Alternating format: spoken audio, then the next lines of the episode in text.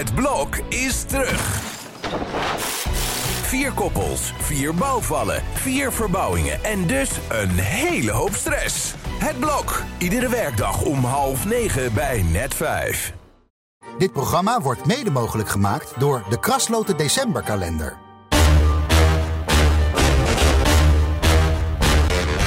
Dit is Strikt Privé, de dagelijkse showbiz-update met Jan Uriot en Jordi Versteegde. Ook zo mooi hoe jij hier die trompet bespeelt in die tune, Jan. Je, Het is een feestje om hier te zijn. ja, je zit er weer. Dank je wel ook dat je invalt voor Evert, die helaas eh, ziek thuis zit. Ik denk dat hij ongetwijfeld luistert naar deze podcast. Net als jij daar thuis, op deze mooie dag. Ik zit even in dat blad te kijken. Dit is ongeveer ja, het enige blad waar Anouk niet in staat de afgelopen tijd. Ja, inderdaad. Ja, ze geeft veel interviews. Hè? Ja. Eén ding is je opgevallen in een ander blad. Vertel eens. Ja, in het blad van Chantal Jansen eh, vertelt ze een openhartig verhaal. Ze heeft een aantal miskramen gehad. Nu hebben we daar wel eens vaker over gehoord. Ze heeft dat wel eens verteld. Maar op een gegeven moment had ze dus zo'n miskraam. En een dag later vertelt ze dus dat ze gewoon in de stoel zat bij de Voice. En die draaiende stoel. Ja. Het is toch, nou, dat, daar kan ik wel respect voor hebben dat je dan gewoon doorpakt. Laten we wel vooropstellen dat er zijn eh, heel veel vrouwen die hetzelfde hebben meegemaakt. Ja. En die dus ook gewoon een dag later naar hun werk moeten. Dus dat moeten we eventjes wel neerzetten zo. Anouk had wat mij betreft gewoon natuurlijk eh, ook thuis kunnen blijven. Maar dan via een beeldverbinding. Want dat hebben we eerder gezien. Dat ze, had ze corona? Zat Ja. ze in Zweden of zoiets dergelijks? Marokko geloof ik. Oh, Eh, zoiets. nou ja. En eh, toen is ze via een beeldverbinding is ze dus steeds naar, bij die voice verschenen. Dan denk ik, ja, dat had ook gekund. Dus wat mij betreft had ze niet in een draaiende stoel hoeven te gaan zitten. Nee. Nou ja, ze miste Voice ook. Dat heeft ze in datzelfde interview ook gezegd. En daar verbaas ik me over. Want ze heeft toen, nadat dat hele hè, Boos-schandaal naar voren kwam, het The Voice-schandaal in, de, in Boos gemeld, Ja. heeft ze echt gezegd van ja, ik, ik ben er klaar mee met dit programma. ja, maar dat neem ik allemaal niet serieus. Kijk, als zij zegt ik mis het programma, dan denk ik, ja, je mist de centen. Want we weten dat er flink voor betaald wordt om Anouk daar in die stoel te krijgen. Mhm. Ze krijgt de hoofdprijs volgens mij. Ja. En dan denk ik, je zal de centen wel missen. Want als je nou zo begaan bent met nieuwe talenten, nou zet dan zelf inderdaad een programma ergens op. Met, eh, en ga dan ta- talenten inderdaad begeleiden. Maar dat doet ze niet. We hebben niet eh, de Anouk school nog ergens eh, ontdekt. Maar denk je niet dat Anouk gewoon doorbetaald heeft gekregen? Want bedoel, Oh, dat weet ik niet. Daar heb ik geen idee van.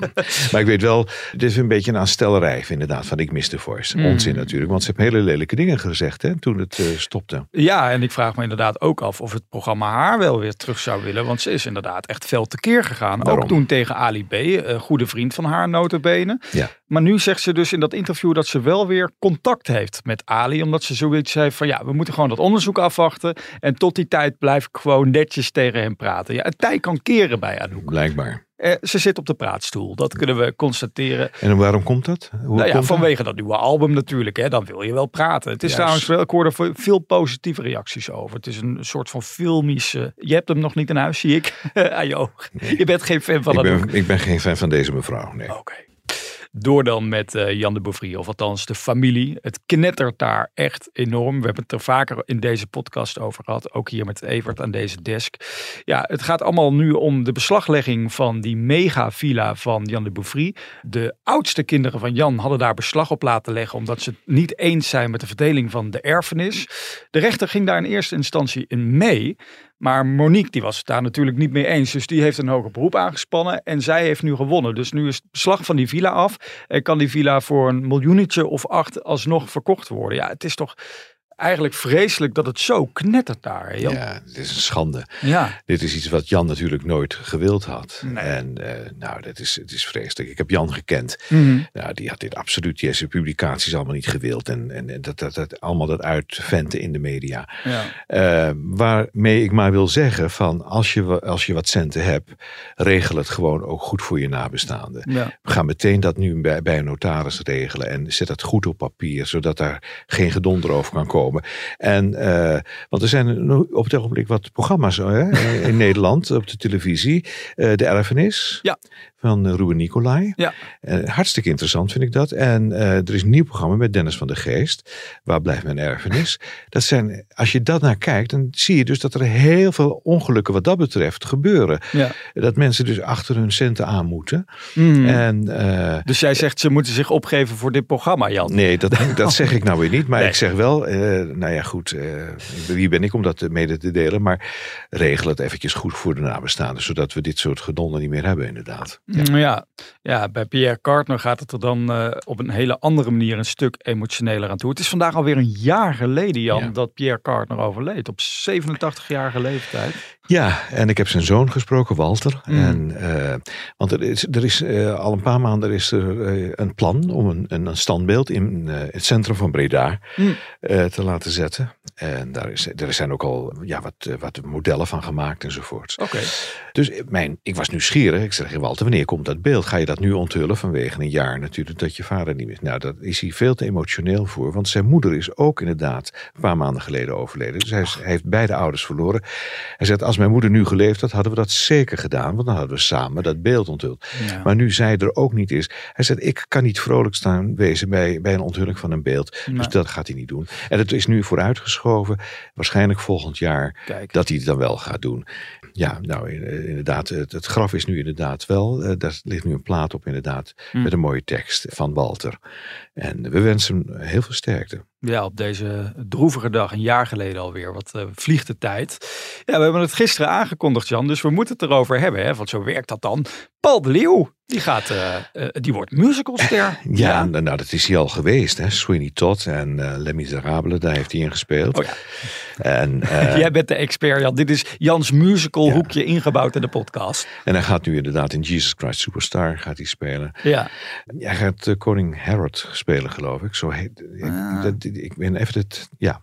Jan, het is jouw musicalhoekje, ja, Jan. Ja. Had je voorbereid. Prima, maar hij gaat de koning spelen. maar wat ik bij Paul natuurlijk wel altijd zie, je ziet altijd Paul de Leeuw. En dat komt gewoon omdat het een grote persoonlijkheid is. En we kennen Paul natuurlijk zo ontzettend goed dat is bijna niet weg te schminken natuurlijk. Dus hij gaat nu een hele serieuze rol spelen. En ik hoop dat dat inderdaad niet, dat hij niet, hij kan niet gaan flauwekullen. En dat je dat ziet. Je hebt het met Chantal Jansen ook. Mhm. Chantal Jansen, die heeft nu een televisieprogramma. Hè?